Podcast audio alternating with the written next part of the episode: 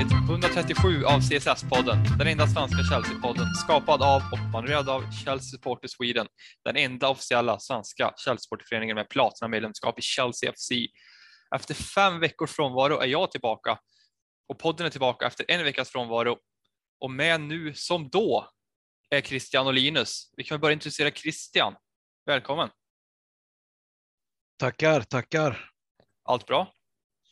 Ja då, stressad, mycket med fotbollen, mycket jobb.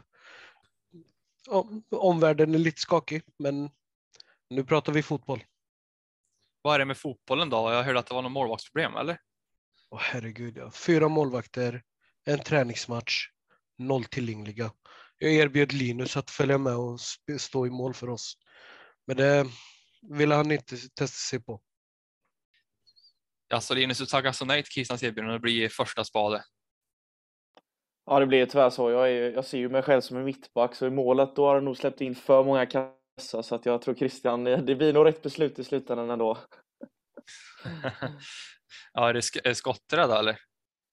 Nej, det är mest att jag har ingen eh, talang för att stå i mål och därför känner jag mig mer trygg på att spela mittbacken. Täcka skotten och rädda, rädda för målvakten, lite skott, men eh, jag är inte så säker med händerna så att det, det är lika bra att man ställer någon annan bakom stolparna. Allt bra i Jönköping annars då Linus? Ja det är det. Det är mycket plugg men äntligen fick man tillbaka sin C-uppsats godkänd så att eh, nu närmar sig examen så att det känns riktigt roligt faktiskt. Ja, det är, är det examen redan nu då i, i vår? Ja, jag tar nu till sommaren. Så jag ska gå på praktik här snart så att eh, det är inte långt kvar nu så det känns kul. Är det bara en massa jobbsökande nu då misstänker jag. Ja, det börjar nu, men eh, jag, jag väntar lite med det, men jag ska dra igång det snart. Men det, det ska bli en intressant process det med. Ja, det är alltid spännande när man inte riktigt vet vad, vad framtiden eh, har för, för planer för en, när man inte har, har saker bestämt. Det som är bestämt är i alla fall dagens körschema och det kommer kort och gott bestå av tre matcher som på alla på olika sätt är olika, eh, mycket att prata om helt enkelt. Eh, både sämre prestationer och relativt bra prestationer, men eh, vinster och givetvis då den kommande ligacupfinalen på, på söndag.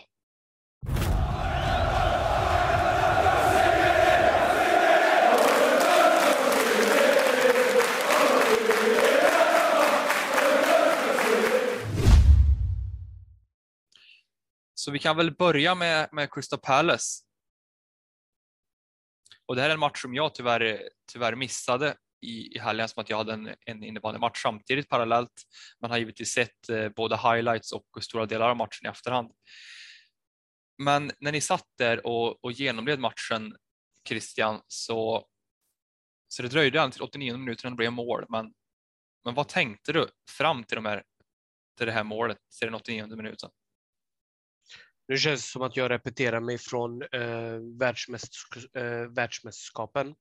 Men fy fan vad arg man blir. Jesus, vi, vi, vi har ingenting bra att säga om den matchen. Jo, Ziyers eh, teknik eh, vid målet var väl bra. Och eh, Alonsos eh, chanspassning in i boxen. Eh, men vad, vad, jag har ingenting bra att säga om den matchen. Ja, absolut ingenting. Lukaku 115 miljoner euro. Ner i toaletten. Den mest orörliga spelaren jag har sett sen typ jag vill, jag vill ju säga Big Bang eller någonting annat så är väldigt roligt, men folk som inte känner mig fattar ju inte min ironi eller, eller sarkasm.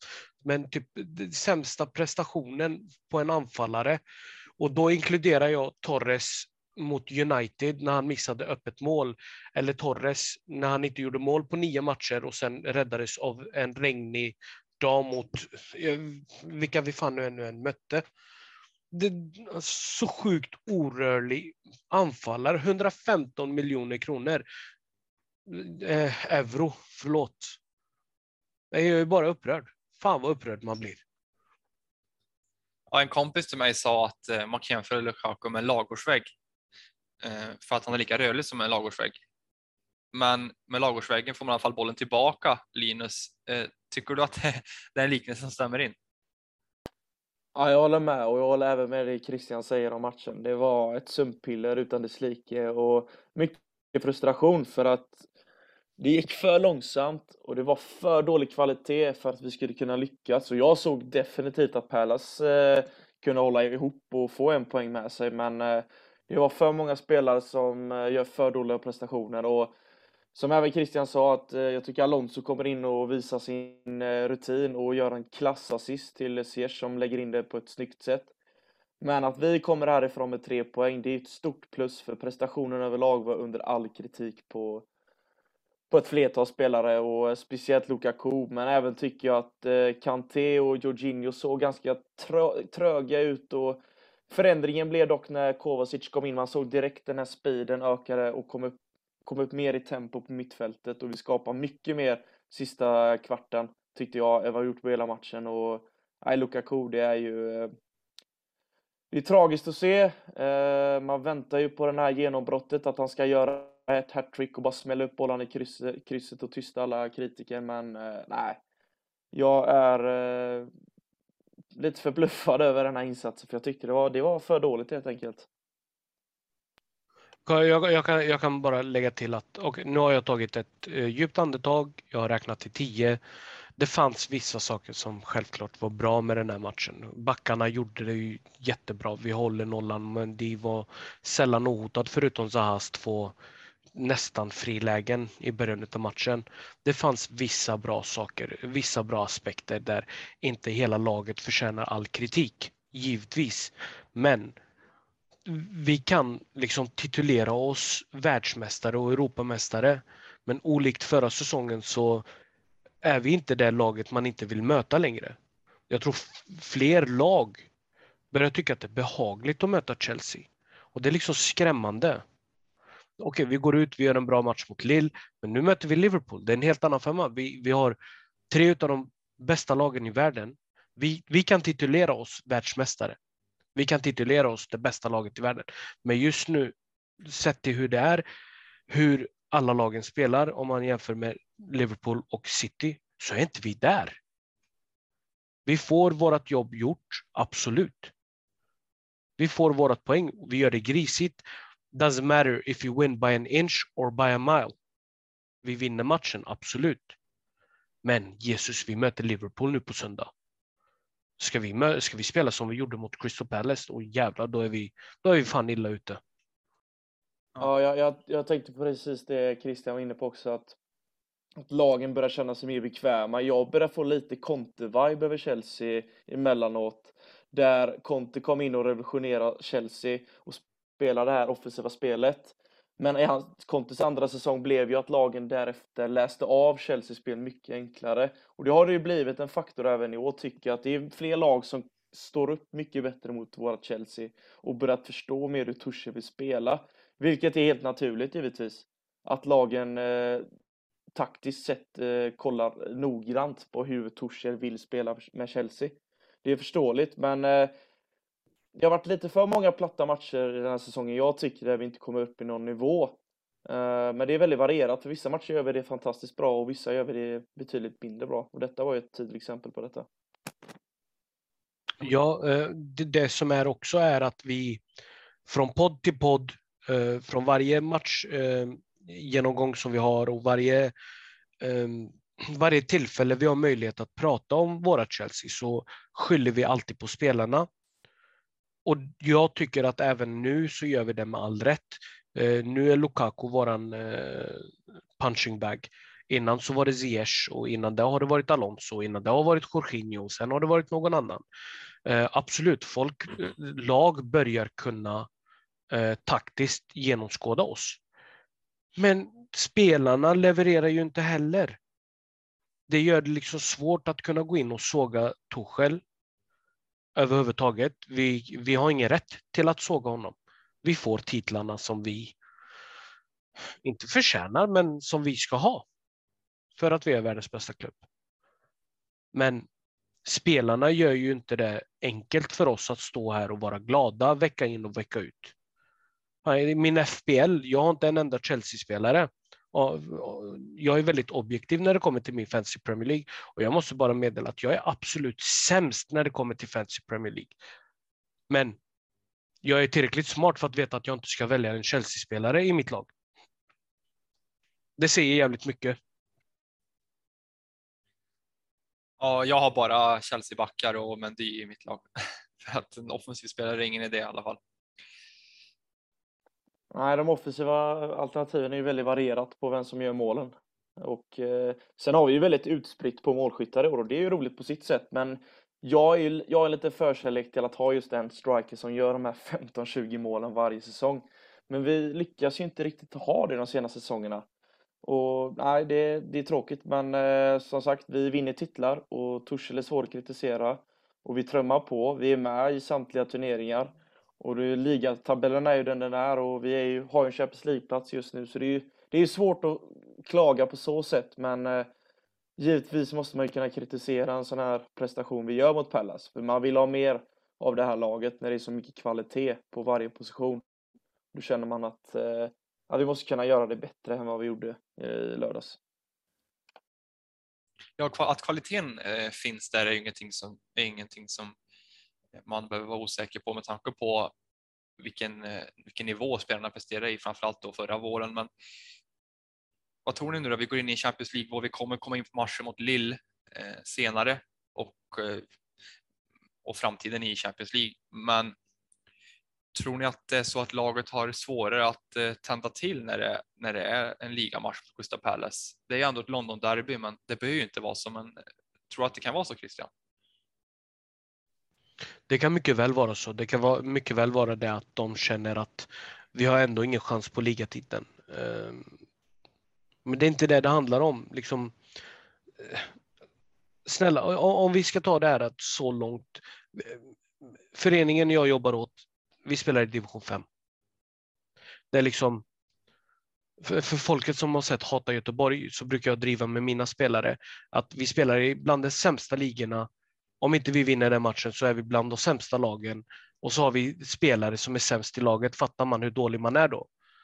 Uh, givetvis så skämtar jag när jag säger det, men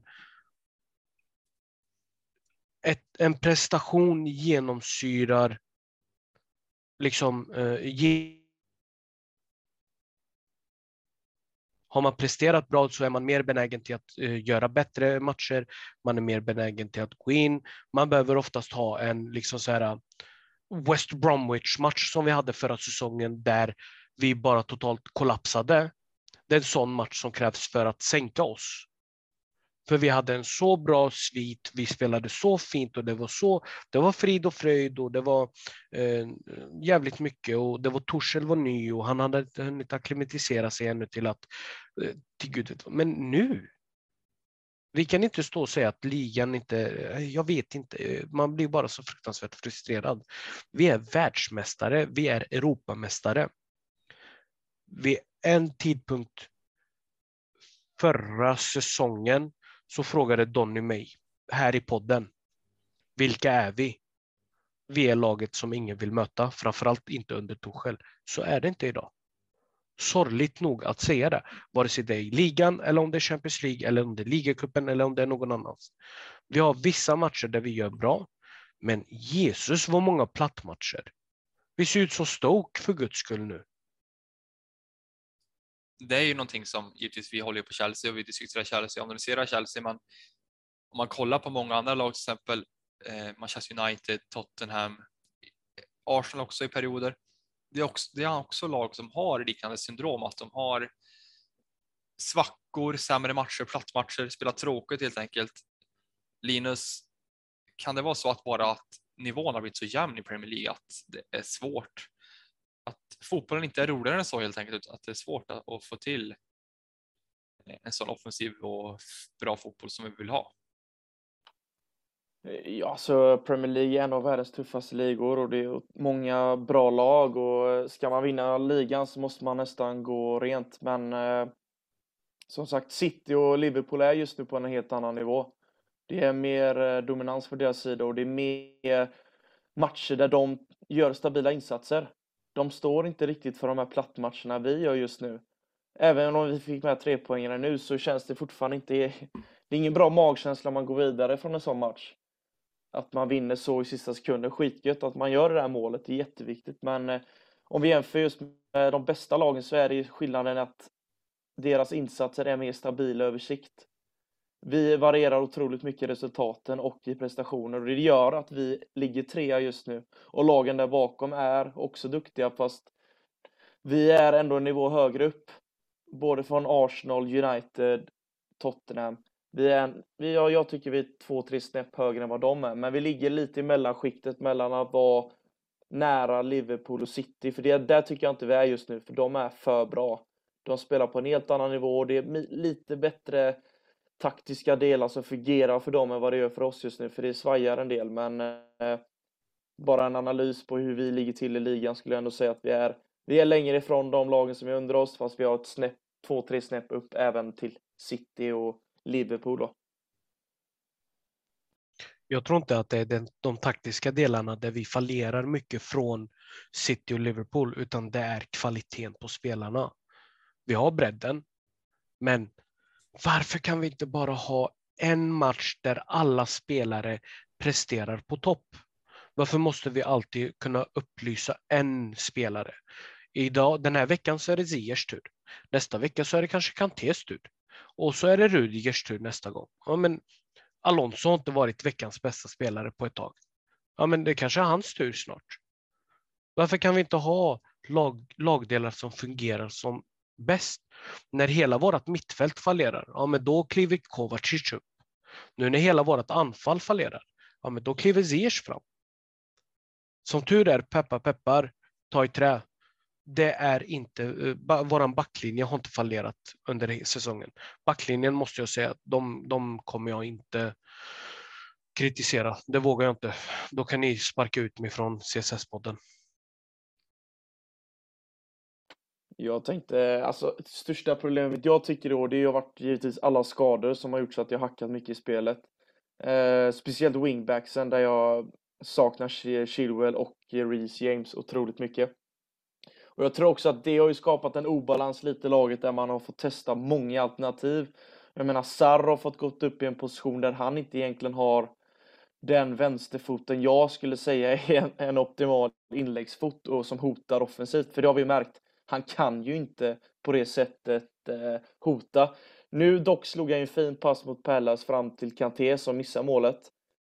Men eh, Annars så fallerar mycket i Sars offensiva spel och det gör ju att vi tappar en spelare i det offensiva spelet och det gör otroligt mycket för Chelsea för wingbacksen är otroligt viktiga för Torshets taktik och funkar inte det då försvinner ju ett alternativ i anfallet och det gör det mycket svårare att skapa och hota mot, för, på motståndarna.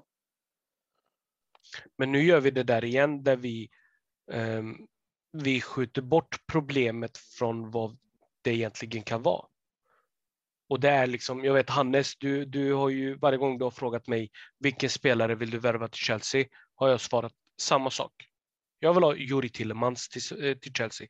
Vi får en kreatör i mittfältet, vi får mittfältet fallerar för oss. Kova är inte en kreatör. Han är en kreatör med bollen med sin egen fart där han kan driva igenom. Men det är sällan vi får de passningarna Eh, hjälp mig nu grabbar, vilken, vilken eh, match var det han la en djupledsboll till? Eh, eh, han la, hur som haver, han la en sketfin djupledsboll. Jag bara shit, han kan ju fan lägga en djupledsboll. Varför har vi inte fått det här tidigare? De djupledsbollar vi har fått tidigare, det är Mason Mount som har gått ner liksom och, och fått skjuta in en djupledsboll. Eller så har bollen kommit från försvararna. Behöver vi ha spelfördelande försvarare?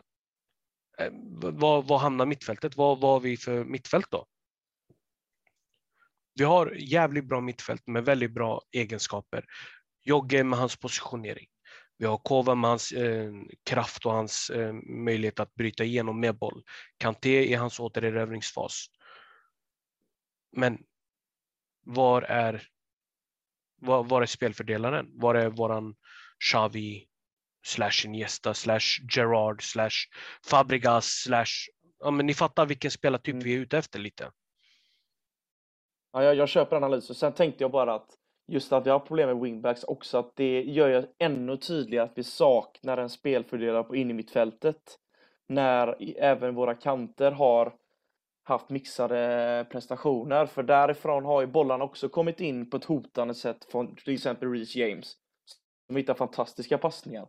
Och nu när inte han har varit på planen, Asp Aspilicueta har inte riktigt den kvaliteten att hitta de fina bollarna längre tycker jag. För det är, han är lite mer, det är ju lite mer defensiva sätt om man jämför med han och Reece James då. Det är så jag lite mer genomtänker den här situationen. Och det gör som du säger Christian, har vi inte den kreatören på innermittfältet också, det gör ju att det blir ganska många positioner som helt plötsligt inte kan hota det offensiva spelet.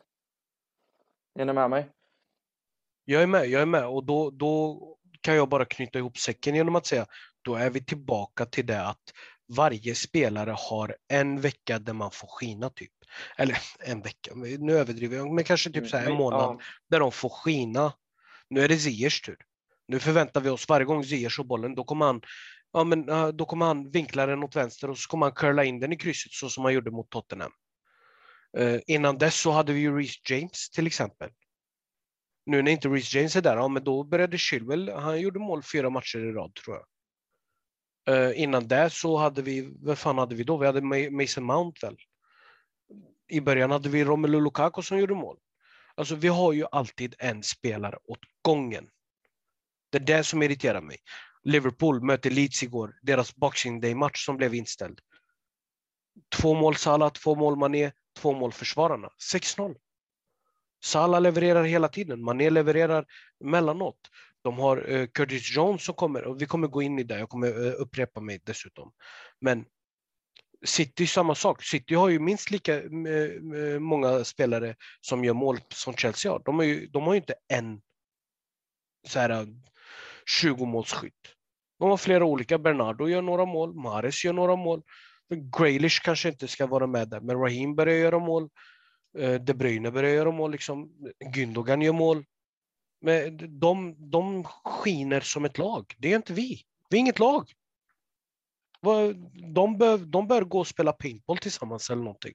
De bör köra någon after work eller något. Jag har ingen aning. Ja, jag tycker att du, du är lite hård eh, Christian. Jag förstår vad du menar. Där. Eh, jag tycker ju att det största problemet är att de offensiva spelarna inte, inte presterar individuellt. Eh, sen om det är på grund av att vi har ett bristande spel som lag eller, eller om det är på grund av, jag vet inte. Alltså, de har ju uppenbara kvaliteter som, som ska motsvara eh, ja, både City och, och Liverpool egentligen också även i prislapp kanske. Men, men någonting är det som inte funkar och som du säger nu hoppas, förhoppningsvis nu då, så är det väl Havertz tur att gå in i ett, ett sjok med ett par matcher som han är bra på. Men det vore ju skönt att få lite kontinuitet i, i prestationerna hos våra, våra toppspelare.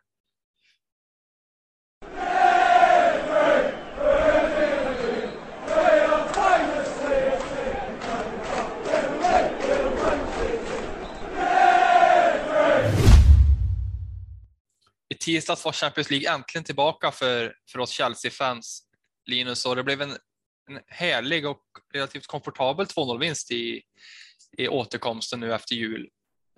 Spontant, eh, match, matchtankar för dig? Jag tycker vi, vi gör en bra match mot Lille. Eh, ett, ett steg i rätt riktning om man jämför mot Palace-matchen. Och eh, den stora nyheten inför matchen var ju att Torse valde att sätta Lukaku på bänken. Och därav fick eh, Havertz starta på topp. Och han gjorde en grym match i mina ögon. Det var eh, många lägen han faktiskt skapade på egen hand och jag tyckte att han även såg rapp ut i steget. För läget innan hörnan så gör han det riktigt snyggt där han på ett enkelt sätt viker in och får till ett bra avslut som eh, målvakten räddar. Men hörnan därefter så nickar han in på ett elegant sätt. Ganska eh, ostört kan gå upp och nicka in den riktigt snyggt. Ner i backen, ett sånt skolboksexempel som är... Ja, det, det var ett riktigt snyggt mål. Och sen tycker jag även att eh, Pulisic steppar upp och också man såg tendenserna i den här matchen där han får med sig bollen och blir ett större hot i anfallsspelet och får med sig frisparkarna, kommer in i matchen och kan även göra 2-0 efter en fantastisk assist av eh, Kanté. Återigen backlinjen gör ett bra jobb, Silva ja, går, man vill alltid hylla honom, men snart, man tappar snart orden för vilka, vad, vilka ord man vill använda för att hylla den här killen. För det är en klassspelare på 37 år som fortsätter att leverera och är en viktig kugge där bak. Och tycker även Rudiger och Christensen fortsätter också göra ett stabilt jobb. Och, nej, överlag en eh, bra insats och jag känner att vi, vi går in i returmatchen med en skön känsla efter den här matchen. Håller du med Christian? Ja, det gör jag. Eh, Linus valde att säga ett steg i rätt riktning, jag valde att säga tio. Eh, det är mycket högre tempo. Jag menar redan inom åtta minuter så hade vi skapat två jättechanser och gjort ett mål. Eh, vilket är mer än vad vi har gjort sett till minuter på väldigt länge. Eh, tyvärr Ziyech utskadad, eh, förhoppningsvis inget allvarligt. Eh, väntar fortfarande på indikationer på hur, lång, Eh, hur länge han blir borta. Eh, men annars överlag, visst Lill, de gjorde det bra. Jag tyckte de var jätteroliga att titta på. Eh, Renato Sanchez var extremt duktig. Men ehm, så, så, så många gånger förut som jag sagt det, de må ha varit duktiga, Chelsea-försvaret var bättre bara. Men roligt, högre tempo, framförallt på forwarden. Havertz lärde nog Lukaku ett och annat om, att, eh, ett och annat om rörlighet i sista tredjedelen. Så nej, alltså bra match. Eh, jag tycker att vi gör en bra match helt enkelt. Sett till den standarden vi har lagt på sistone. Ja, Havertz visar ju verkligen när han går upp där på hörnan att han även kan nicka in bollen. Det har han visserligen gjort ett par gånger tidigare. Det har vi ju sett. Och han kallas i Tyskland för Deralles kunder av en anledning. Men den här renodlade nian är han inte riktigt Linus. Tror att det är någonting som man kan utveckla och eh, under Tursel även, även liksom, att det växer fram en, en renodlad nia i, i Havertz. Jag tycker han har ganska många egenskaper för att kunna spela den positionen. Det största problemet för honom när han väl har varit där är att det borde bli mer poäng om man ska vara den nian för Chelsea. För att eh, ska man spela längst upp så ska ju målen komma. Men det har det inte gjort för Lukaku heller, så jag tycker inte det är fel att starta Havertz den här matchen. Och du får ju ganska tidigt betalt i matchen då han gör mål och står för en bra insats och mycket mer rörlighet där uppe än vad vi haft på, på, ett, bra, på ett bra tag. Och jag tycker att Havertz vill jag hellre ha där uppe än att sätta Werner, så att det var helt rätt val att sätta över Havertz där. Men han har kvalitet för att spela där, men givetvis, han kan nog växa in i den positionen under Torshäll, men jag vill hellre se honom i en annan position där han kanske hamnar ett steg bakom, men eh, ja, det är intressant, men eh, då måste han göra mer mål och poäng om han ska spela där regelbundet i Chelsea, tror jag. Min spontana tanke är om man har han verkligen det, det målsinnet i sig och den killinstinkten, Christian, för om man jämför med spelare som, nu är det lätt att liksom ta de största då, men Blaovic, Haaland och så Zlatan då under sina storhetsdagar.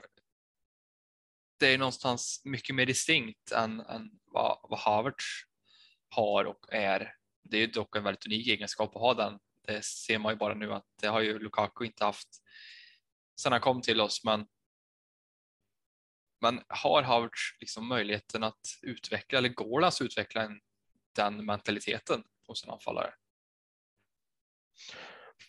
Självklart, det går att utveckla det på vem som helst. Ehm, den, ehm, den kvaliteten är inget annat än arrogans. Det är ingen annan eh, själviskhet liksom. Ehm, det är vad en killer instinct har. Han är självisk, han vill göra mål. Eh, han är den som vill avgöra matcher, han är den som vill, Ja, man vill mest framåt liksom. Eh, anfallare får betalt för att göra mål. Det är deras jobb, rakt av. Ehm, um, Havertz är inte den typen. Han är en, han är en typ av kreatör. Han är en typ av uh, finessspelare. Jag vet, jag vet att jag sa det förra podden Linus, jag kommer inte ihåg ifall du, eh, jag vet inte ifall du kommer ihåg, men jag, uh, jag ser Havertz som uh, Kaká, uh, alltså, den typen av spelare då. Inte riktigt en åtta, men gärna en tia, en, en spelare bakom anfallarna, precis, forwardsen, precis som Linus sa. Ehm, men absolut, eh, som svar på din fråga, det går att träna på. Ja, du nämner Kaká här. Jag ser ju eh, Havert som, nu är de ju båda två tyskar då, men jag ser dem lite grann som en, som en, en, eh, vad säger man, en yngre variant av Thomas Müller. Liksom.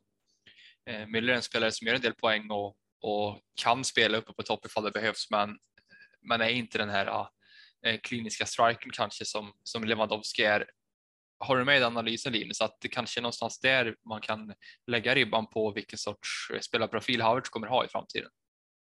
Ja, jag tycker vi alla tre är egentligen överens om att det är ju ett steg bakom anfallaren där vi vill ha honom. För han är ju kreativ, han har rörligheten och han är ung.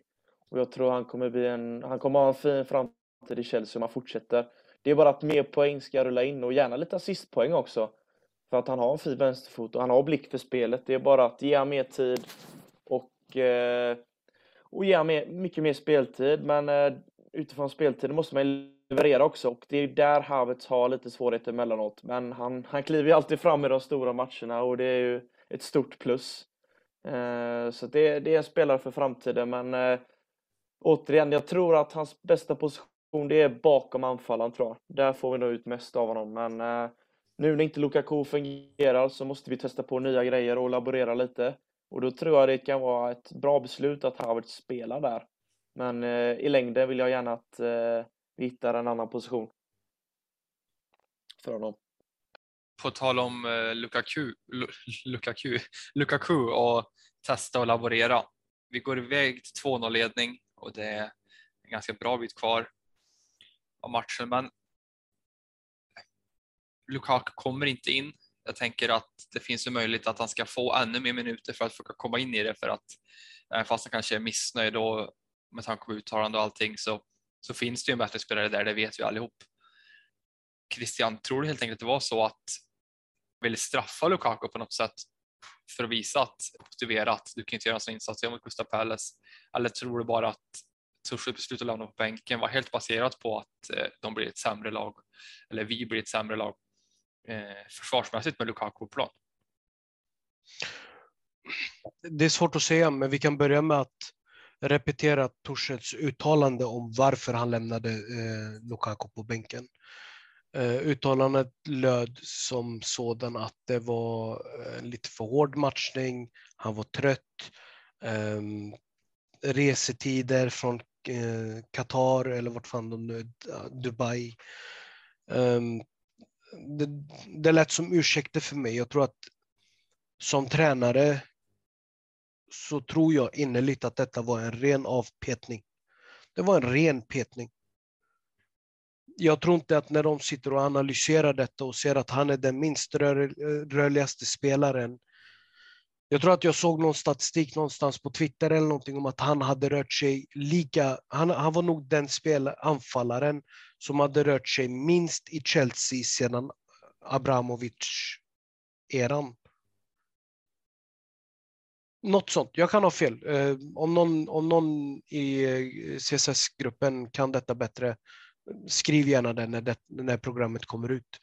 Men eh, detta var en ren petning. Eh, Torshäll var bara, han, han var diplomatisk när han sa att det var trötthet.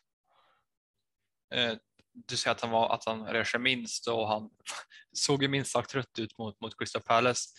Men en tanke bara, eh, vi spelar ju med, med två wingbacks plus två spelare eh, bredvid Lukaku gör det att han blir ganska stationär och isolerad uppe på topp.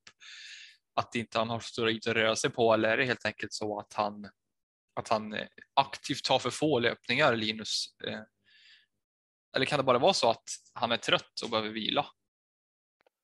Jag är nog inne mer på Christians spår. Eh, de spelarna som spelar på den här nivån, de vill spela varje match. Eh, till varje pris och man vill göra mål efter mål efter mål och göra poäng. Så jag tror mer på att det här har varit en petning. Givetvis kan han vara trött efter matcherna men eh, på den här nivån så vill man alltid fortsätta spela matcher för att jaga de här poängen och avgöra matcherna för laget och visa fansen vad man går för. Så jag tror också att det här var en ren petning. Eh, men jag tycker rörligheten för Lukaku över säsongen har varit för dålig. Eh, och jag tycker även om han spelar en position där han blir lite mer centrerad och eh, på sin forwardsposition så tycker jag ändå inte han kommer ner så ofta och möter och hämtar boll. Han har inte tydligen den rörligheten för att kunna göra det. Eller så har han bara den har lite dålig motivation just nu och inte riktigt finner det här arbetet för det som krävs. Men eh, nej, det här var en ren petning och Eh, jag tror han har lärt sig en läxa också. Att det gäller att leverera, annars så blir man eh, utbytt och eh, placerad på bänken och då gör jag andra poängen som Havertz gjorde den här matchen, så det gäller att steppa upp nu. Jag tänkte att jag vill svara på din fråga också Hannes, om att han har spelare runt omkring sig, det spelar i korridorer. Jag gör så här med mina spelare.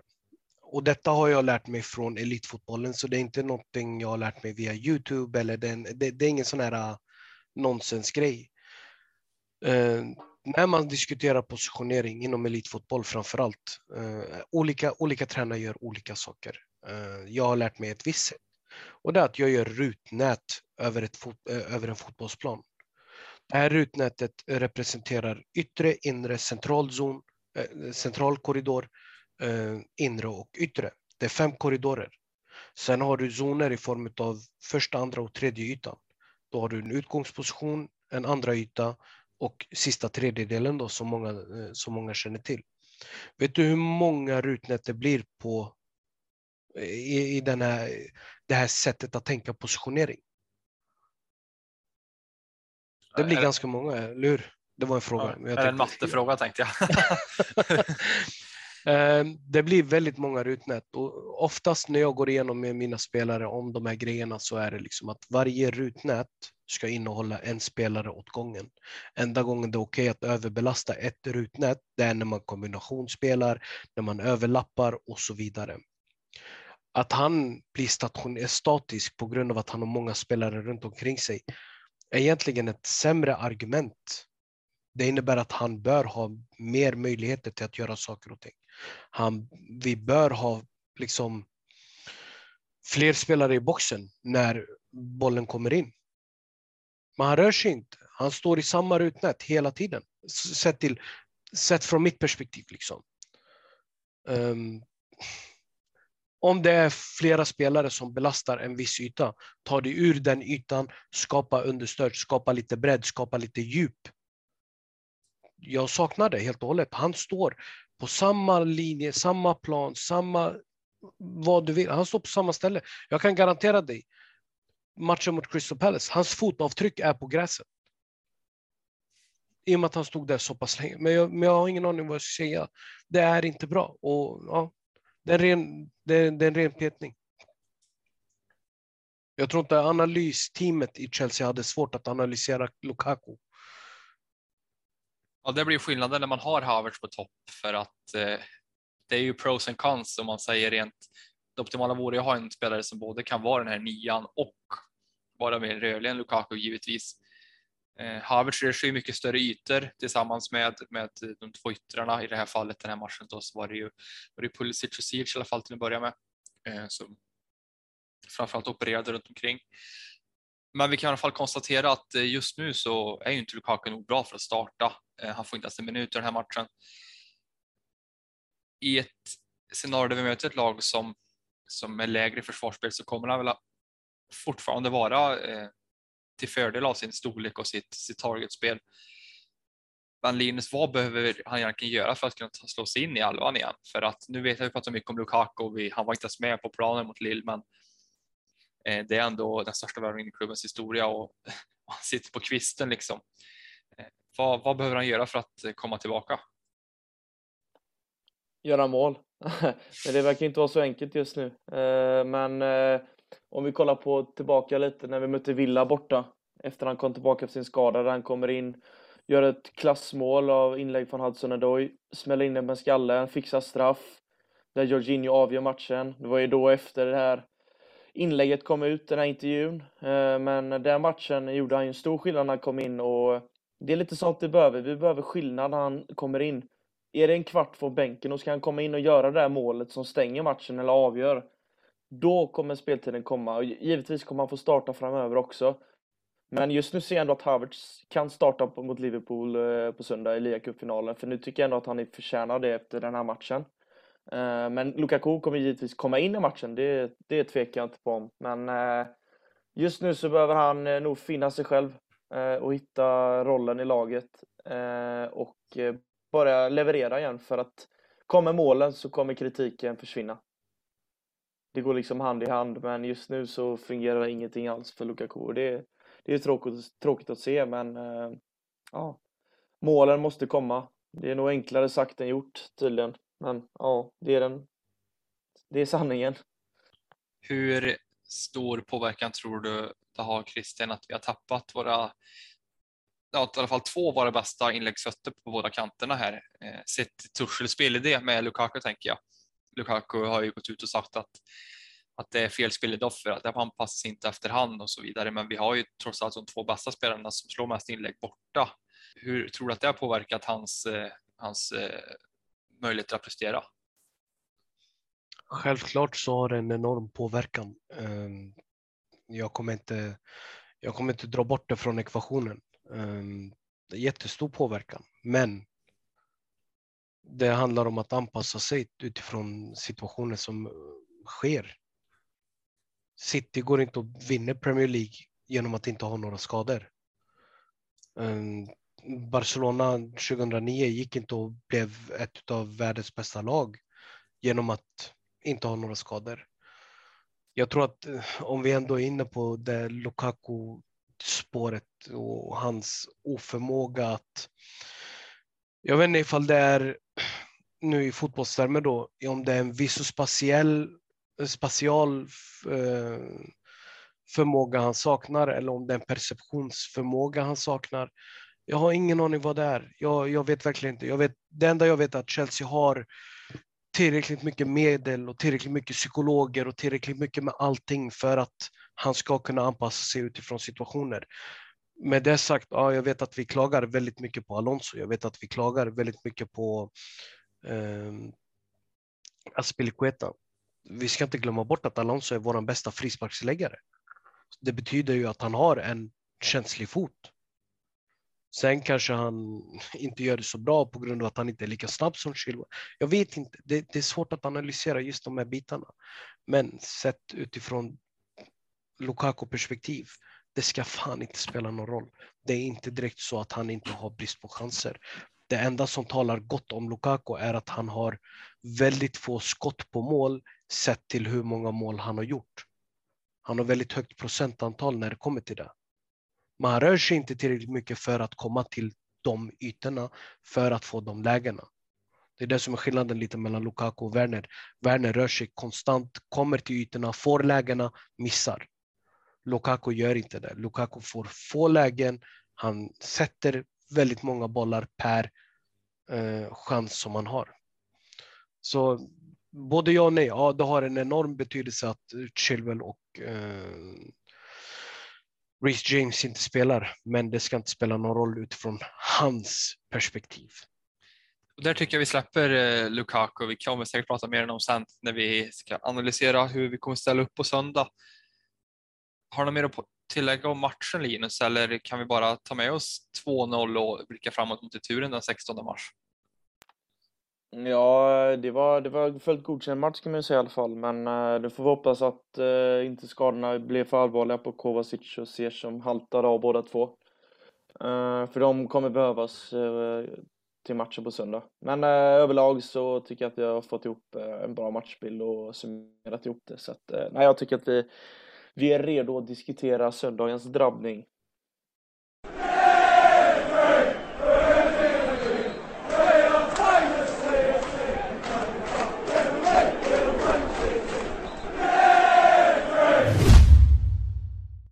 Ja, på söndag så är det dags för ligacupfinal eller Carbo Cup-final på Wembley. Och Christian, jag vet att du, du har tagit lite tempen på Liverpool.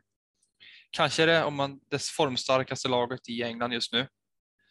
Eh, och vad, vad kan vi förvänta oss av det här i laget egentligen? Jag vet, jag vet mer än att de vinner matcher och att Salah är mycket poäng på fantasy så, så var står han kring Liverpool nu? Eh, du sa det, Liverpool är väl en av de mest formstarka, eh, formstarkaste lagen i världen just nu tillsammans med City. Eh, de, de spelade igår. Igår spelade de match mot Leeds, vann med 6-0. Och det var verkligen så här, det var ren utklassning. Jag tror att det dröjde till 70 minuter eller något innan Leeds fick ens ett skott på mål. Ehm, säger väldigt mycket om Liverpools press och eh, deras eh, försvar. Ehm, just nu så har de en skade, skadefrånvaro på Roberto Firmino och Diogo Jota. Och enligt eh, Jörgen Klopp själv så är det en kamp mot klockan om de ska hinna vara med i ligacupfinalen. Eh, även ifall de skulle vara tillgängliga, jag tror inte att de skulle starta. Eh, jag tror att en förväntad startelva skulle vara Alisson i mål, eh, Alexander Arnold, Virgil, Matip, eh, Robertson, Fabinho som sexa, Thiago Henderson i mitten, Sala eh, och nyförvärvet Diaz tillsammans med Mané. Liverpool har inte ändrat spelstil sedan Jörgen Klopps intåg. Hög press, rakt spel. Det är de i ett nötskal och så förlitar de sig fruktansvärt mycket på individuell kvalitet, vilket de onekligen har. Ehm, det som talar för Chelsea mot Liverpool är att vi har faktiskt haft det ganska bra mot dem. Vi har stått upp bra trots eh, väldigt dåliga förutsättningar. Första matchen så fick Reece James rött kort. Ehm, Havertz gjorde en fantastisk nick den matchen. Och eh, match nummer två, vi, jag tycker personligen Mané borde ha fått rött kort, eh, vilket alla Chelsea-fans förmodligen håller med mig om redan i inledningen av matchen. Eh, där får vi väl en 2-0 under, underläge där Kova gör ett fruktansvärt vackert mål. Pulisic gör mål vi har ändå ganska bra förutsättningar inför den matchen. Jag har sagt det tidigare och jag säger det igen.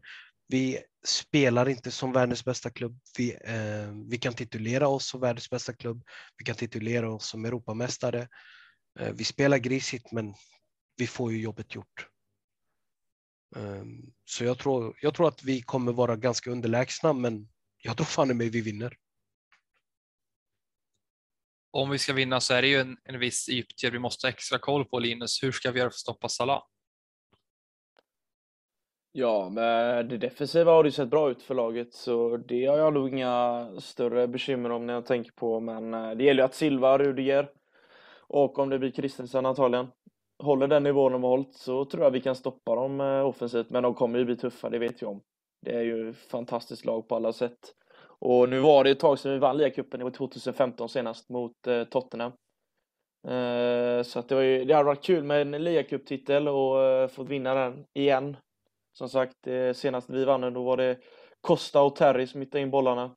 Även om Walker fick eh, självmål på ena målet om jag inte minns fel. Men, eh, men ja, det hade varit skönt att vinna den här titeln och det hade varit viktigt för Tuschen också i det här momentumet vi är inne nu när vi börjar plocka titel efter titel så hade det bara varit ett stort och starkt besked att ta den här titeln. För förlorar vi den så blir det lite tuffare för då måste vi gå all in på både FA-cupen och Champions League. Eh, för ligan tycker jag där är vi, det blir svårt. Så att den, här, den här titeln blir faktiskt viktig att ta hem. Och det är det som är speciellt med den här cupen att eh, man vill alltid vinna varje match och eh, vi som inbitna fans eh, klart vi, liksom, man skulle vara väldigt besviken om man går ut tidigt stadie, men så länge man kommer i den här kuppen så betyder det mer. Och, alltså för mig så jag är lika laddad inför söndag som jag var inför FA-cupfinalen mot Leicester.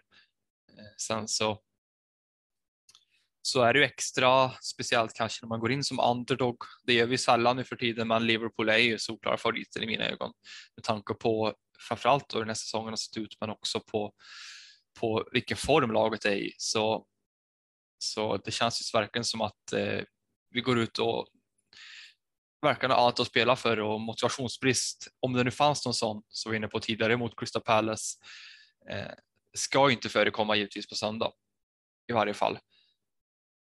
Du, du säger här att när jag hör laget du ropar upp, eller ropar upp, berättar för oss Christian, de kommer ställa på benen så tror du att eh, Diaz kommer spela en central offensiv roll. Eh, nu kanske jag har missat någonting där, men men eh, hur, hur ser det ut för han rent? Eh, jag tror han var en lite mer wingspelare om man säger så. Han är en wingspelare, vilket alla tre är egentligen. Eh, men de roterar ju fruktansvärt mycket. Ehm, jag tror inte det spelar någon roll vem det är som är uppsatt som nia eller vem som är, som, vem som är uppsatt vart de roterar hela tiden. Ehm, så det kvittar egentligen. Och vi får se då vem det är som startar på topp ifall det blir, eh, ja, min gissning skulle vara då ifall det är de här tre som startar på topp, eh, eller ifrån trion när både Jota och eh, Firmino eventuellt är borta. Så är gissningen för mig att Mané går in centralt eh, med tanke på att, eh, att Salah är så pass bra när han kommer in från kanten och att, och att Mané är opererat där förut också. Eh, det har också alternativ på bänken, en spelare som som inte får så mycket speltid och inte sällan är, är från start egentligen. Men han är bra i stora matcher, Divo Origi.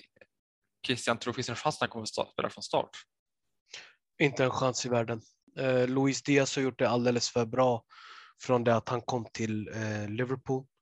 Eh, extremt rörlig. Han har eh, han, han, verkar ha akklimatiserat sig så fruktansvärt bra. Han har anpassat sig till det här Liverpool-laget väldigt bra och jag såg matchen igår i stora bitar och eh, pressen han eh, erbjuder tror jag överväger eh, extremt mycket. Så de kör nog med en falsk nia och så roterar de fruktansvärt mycket. Trots att du har rätt i att Salah inte kommer att rotera eh, sin position. Han kommer utgå från högerkanten. Men Mané och Luis Diaz kommer att rotera. Om vi kollar på vårt läge då, i vår trupp så vet vi ju sedan tidigare att Chilwell är borta. James sägs vara tillbaka i full träning och är ett alternativ. Får se om han kommer att spela från start eller inte. Det är väl mycket tveksamt med tanke på den långa skadefrånvaron. Ehm, och sen så är det då lite tyst om Kovacic och Ziyech. Men direkt här när du säger att bara du säger orden Salah kommer utgå från höger så vet jag att vi har en, en Marcos Alonso där ute Linus, det känns ju som att vi har sett det här mötet förut och vi vet, vi vet hur, det, hur det brukar sluta. Ja, det, det är inte optimalt, eh, är det inte, men vi sitter ju i ett läge där vi har svårt eh, med att eh, försöka försöka få tillbaka Chilwell eftersom att han är skadad så blir det ju det blir svårt på förhand, men det, drömmen hade ju varit om man kunde spela Reece James på högen och slängt över Aspi på vänstern då. Men eh, antagligen kommer inte James starta. Så det kommer antagligen bli en Alonso eller Sar. Så det kommer bli tufft för dem båda i så fall, för Sar hade inte lätt när han fick möta en Sterling. Eh, mot City där bortaplan hade han otroligt tufft med just eh, matcha speeden. Samma kommer det gälla Salah. Så det, den, där kommer matchen nog ha en stor betydelse hur den kommer sluta, är hur vi kan hantera Salah. Eh, eftersom att det är det mest farligaste hotet framåt med Mané. Så eh, Mm. Intressant på förhand, men inte så roligt för oss Chelsea-supportrar att följa den kampen, för jag tror tyvärr att Salah kan få ett tydligt eh, tydlig fördel om han får eh, Alonso mot sig. Christian, hur tror du att vi kommer spela? För jag har ju en liten tanke här. Nu är ju inte för, varken Firmino eller, eller Jota några jättehuvudspelare direkt och vi har sett Mané knoppa in ett par, men han är inte direkt lång. Eh, bristen på nia i Liverpool, kommer den innebära att vi kommer kunna stå lägre och, och minska ytorna bakom oss då? Kommer det bli troligt scenario att vi kommer stå lite lägre än vad vi brukar? Nej, absolut inte. Um, att bestämma om man ska spela hög backlinje eller låg backlinje har väldigt sällan med um, nians utgångsposition. Um, det har mer med djupledshotet man kan erbjuda från samtliga korridorer. Um, jag tror att det alltid är riskabelt att spela med en hög backlinje mot eh, så pass snabba spelare som Mané och Salah är. Så det kvittar egentligen vem nian kommer att vara, men eh, Luis Diaz är ju betydligt snabbare än vad Roberto Firmino är och nu har inte jag mätt de bägge i en snabbhetstest, men eh, jag tror innerligt att vi lär spela med en låg backlinje den här matchen. Sen kan jag ha fel. Jag har haft fel hela säsongen gällande Torshäll så och hans taktiska drag. Jag har inte gissat rätt på en enda uppställning. Jag har inte gissat rätt på ett, på en enda, på ett enda resultat. Um, så jag, jag har faktiskt ingen aning. Jag vågar liksom mig inte på att gissa vad Torshäll kommer att göra. Men om du ska gissa på laguppställning då? Eh, nu vet vi att vet vi inte riktigt hur det går med går för James om han kommer att hinna tillbaka i tid. Men ni kan väl bara säga till om ni håller med, men det lär väl vara samma, samma backlinje som, som startade mot Lille, eller? Det lär väl vara de fem? Ja, kanske. Det, allt handlar om eh, om det blir Sarre eller eh, Alonso. Um, om det är snabbheten som Torshäll oroar sig för, då lär nog Sarr vara den som startar. Um, som sagt, jag har ingen aning, men ja, ehm, för gissningslekens skull, ja, jag eh, tror att det är den, samma femma. Och Linus mittfältet lär väl bli, eh, för vi antar väl att det inte blir en, en, en 3-5-2 utan en 3-4-3.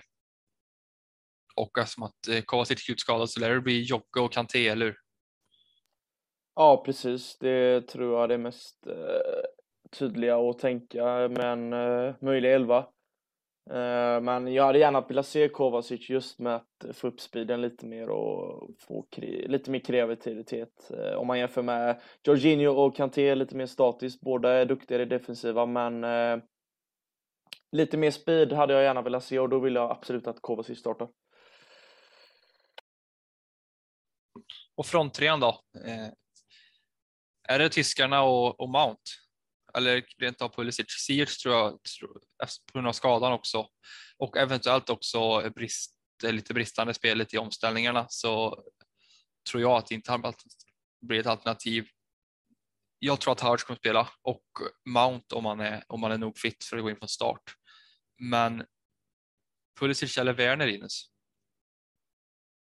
Eh, just nu har jag nog sagt Pulisic från start eh, utifrån insatser mot Lill där jag tycker han faktiskt emellanåt gör stundtals fina prestationer i det offensiva spelet och eh, hotar på ett sätt som jag vill se Pulisic göra, utmana, få de här frisparkarna och verkligen störa försvaret. och Lyckas man mot det mot Liverpool om han startar så tror jag han kan bli ett riktigt stort hot för försvaret. För vi vet ju emellanåt hur bra han kan vara. Sen vet vi också hur eh, klappkass han kan vara också så att eh, det är verkligen varannan match nästan på Pulisic. Så att, men jag tror det blir Pulisic i så fall om vi jämför mellan han och Werner. Nu är visserligen eh, Kovacic ett osäkert kort då, om han kommer starta på söndag. Men min tanke även med att eh, Jocke blev eh, ja, helt enkelt vilades mot Lill är ju att han kan bli nyckelspelare i uppspelsfasen eller sättet att ta sig ur pressen på när Liverpool sätter hög press som vi vet att de kommer göra. Eh, vad, vad, tror du om den eh, tanken Linus att, att Jogge kan bli en, en nyckel, nyckelfaktor på hur den här matchen kommer gå helt enkelt? Ja, det viktiga är ju att vi greppar tag och får tag i Liverpool-spelarna för när Liverpool får upp tempot i det offensiva spelet så måste vi hänga med i det defensiva. Och det är just den bristen vi har just där just nu då är att Jorginho är inte så snabb om vi jämför med han och Kovacic. Jag hade ju som sagt velat ha Kovacic från start, men har vi inte det så har vi Jorginho. Men han har ju, han har ju egna egenskaper som eh, precisionsspelet just i det defensiva och styra spelet där han vill ha mycket boll. Eh, om man jämför med han och Kanté så tycker jag ändå att Jorginho har på ett annat sätt kunnat styra spelet. Men eh, det ska bli intressant att se hur han matchas mot Liverpools mittfält och den offensiva delen, för det är där tror jag mycket avgörs hur vi kommer ta oss an den här matchen. Är hur mycket vi kommer kunna vinna på det inne i mittfältet. För där, där kommer det avgöras tror jag en del. Hur, vilka som tar tag i matchen och vilka som kommer styra spelet. Så det blir en oerhört viktig match för Jorginho själv också. Men det vet vi att han har ju presterat både i Champions League-finaler och i, i eh, och liksom, han har ju bevisat på den högsta nivån att han håller och spelar EM-final och vi vet ju att det här är en spelare med höga kvaliteter. Men nu är det dags att plocka fram dem återigen i en final mot Liverpool som är en viktig match för, eh, för oss supportrar och för klubben. Så eh, ja, han har en stor roll att bära på det innermittfältet och försöka och trycka ihop och eh, få ihop det här laget tror jag. Så att eh, ja, det blir en intressant match för både oss och Jorginho. Ja, risken finns ju att, eh, att deras mittfältare kommer att punkta honom om han blir en för tydlig uppspels, uppspelspunkt. Det har vi sett lag göra tidigare mot just, just Jogg också när han inte är så, så, så rörlig alltid heller utan han, han är ganska han är bra på att leta pass och så men han är ganska stationär också. Eh, det är skillnaden med Kovacic som kan löpa ut situationer på ett helt annat sätt. Ja, Christian, du sa förut att, att du trodde vi skulle vinna matchen. Vad baserar du den tanken på mer än din, din sedvanliga optimism? Um, vad fan baserar jag det på? Um, om jag inte ska vara objektiv uh, sett till uh, mitt hjärta för Chelsea så um, baserar jag det på att Chelsea faktiskt ser till att göra det här jobbet eh, trots att det är en skitgöra för dem. Det är ingen finessspel, det är inget vackert spel. Men jävla vad vi krigar när det behövs. Um, ta de senaste finalerna. Liksom. Vi har inte varit underlägsna på, på det sättet. Um, jag tror inte att det kommer vara någon skillnad nu. Du sa det själv tidigare i, uh, under inspelningen att uh, att vi spelar lite lojt kan vara för att vi inte har någon chans i, uh, för ligatiteln. Det kanske blir annorlunda nu. Det kanske är en helt annan mentalitet inför den här matchen. Vi kanske inte blir utspelade så som jag kanske tror att vi... Jag, jag baserar det på så många faktorer, men mestadels så baserar jag det nog det på att eh, Torshäll är en så jävla vinnarskalle att han kommer kliva över kroppar för att eh, vinna den här matchen. Och vilka är vinnarskallarna som gör målen då? Ross Barkley. ja. Han ska vara glad om han finns på bänken jag tänkte säga. Jag fick aldrig fråga vilken, jag fick aldrig frågan om vilken min fronttrio är så jag svarar Ross Barkley. Jaha, ursäkta. Alltså, och det är Barkley Lukaku då antar jag? Nej, jag tänkte faktiskt säga Barkley, Saul och uh, Ruben Loftus-Cheek. Mm. Den är stark. Den är ju åtminstone en bra defensiv fronttrio. Eh, skämt åsido. Ehm, jag har ingen aning. Jag tror på självmål. Jag hoppas att Virgil van Dijk gör självmål. ja, det kan vi att hoppas på. Det, mina vänner, var allt vi hade för, för den här veckan. Eh, jag vill påminna om alla, er alla att följa oss på våra sociala medier. Eh, det är ju supporterföreningen Chelsea Sweden som står bakom den här podden. Och eh, man behöver inte vara medlem. Eh, men vi finns på diverse sociala medier att eh, följa på Instagram heter vi Chelsea Sweden official och på Twitter heter vi att Chelsea Jag vill också rekommendera att eh, gå med i våran CSS-podden-grupp på Facebook som heter kort och gott CSS-podden. Om man vill följa mig på Twitter så heter jag atberginför99. Om man vill följa några av mina medpoddare här då så är det ju att Some Christian samt att Linus Sjöström som är de två Twitterprofilerna ni ska söka upp. Jag rekommenderar också besök på vår hemsida på Svenska fans som är www.svenskafans.com ägna sig Chelsea. Där det både finns artiklar, kröniker ja, och om man vill även poddar att ta del av.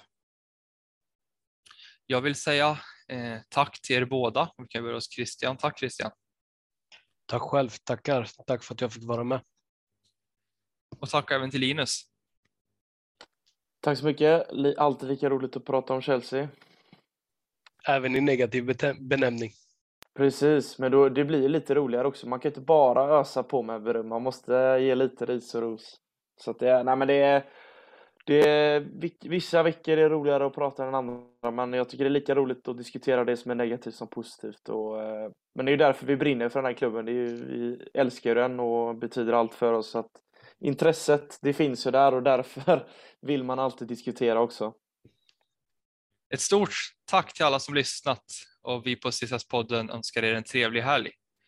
Och vi önskar också att ni ska ta hand om er där ute för det är en oviss tid vi lever i. Krama era nära och så jobbar vi fram laget på söndag. Carefree och up to Charles.